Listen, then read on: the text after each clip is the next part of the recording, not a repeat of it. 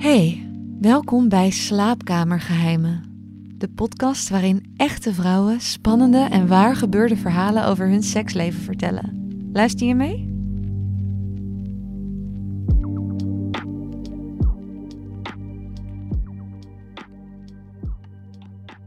Vier jaar geleden ging ik naar Kenia voor vrijwilligerswerk. En mijn relatie was een half jaar ervoor stuk gelopen en ik was behoorlijk gedisillusioneerd. De man van mijn dromen die bleek al jaren een dubbel leven met een ander te hebben. Ik was er helemaal kapot van en probeerde er overheen te komen door met allerlei scharrels seks te hebben. Ook met mannen die eigenlijk ja, wel een beetje verliefd op mij waren. Dat is wel iets waar ik me achteraf misschien wel een beetje schuldig over voel. Maar toen kon het me gewoon allemaal niks schelen. Ik wilde gewoon mijn ex vergeten. En ja, zo kwam ik aan op Nairobi Airport en daar stond hij. Wauw, dacht ik. Om mezelf meteen daarna te corrigeren. Ik uh, was gekomen om te werken en een man, die zocht ik hier zeker niet. Ik probeerde hem uit mijn hoofd te zetten. Maar de ochtend daarna was ik nog steeds onrustig. Dat werd helemaal erg toen bleek dat hij de chauffeur van onze groep was. En ik dus de komende weken met hem zou optrekken. Ja, er was zoveel aantrekkingskracht tussen ons. Ja, we probeerden er gewoon niks mee te doen, want het zou hem zijn baan kunnen kosten. Maar na anderhalve week ging de hele groep stappen en konden we het niet meer tegenhouden. We huurden een kamertje bij de club. In Kenia is het namelijk heel gebruikelijk, omdat seks voor het huwelijk thuis niet is toegestaan. En de seks was niet zozeer romantisch of super lekker, maar vooral een ontlading van de opgebouwde spanning die we met al het stiekem oogcontact en de vluchtige aanrakingen hadden opgebouwd met elkaar. Gedurende mijn tijd daar huurden we nog een paar keer een kamer, waar ik dan s'nachts stiekem naartoe sloop. Eenmaal in die kamer waren we op zich wel veilig, maar echt rust had ik er niet. We waren toch al bang om gesnapt te worden.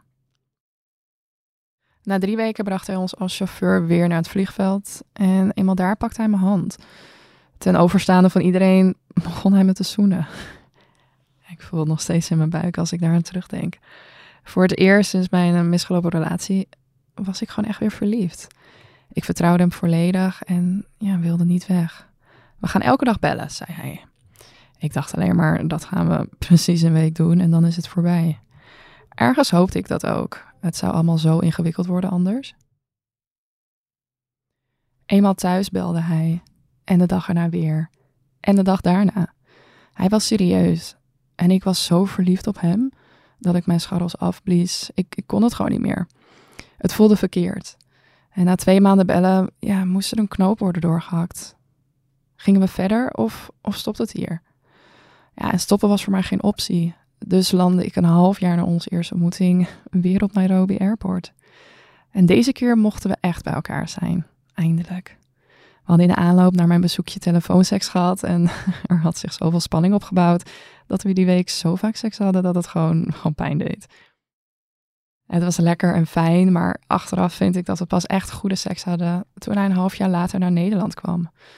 Toen pas bleek hoe geremd hij zich in Kenia gevoeld had de cultuur daar is ja toch wel echt anders. Hij, uh, hij durfde niet veel niet, zat vast in zijn hoofd. En in Nederland gingen alle remmen los. We deden het overal. Keken porno, probeerden anale seks, oraal.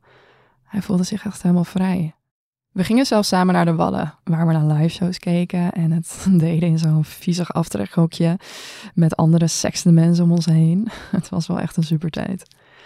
Helaas kon het niet zo blijven. Mm, toen hij voor de zoveelste keer afgewezen was voor een verblijfsvergunning, eh, ja, zag hij het niet meer zitten.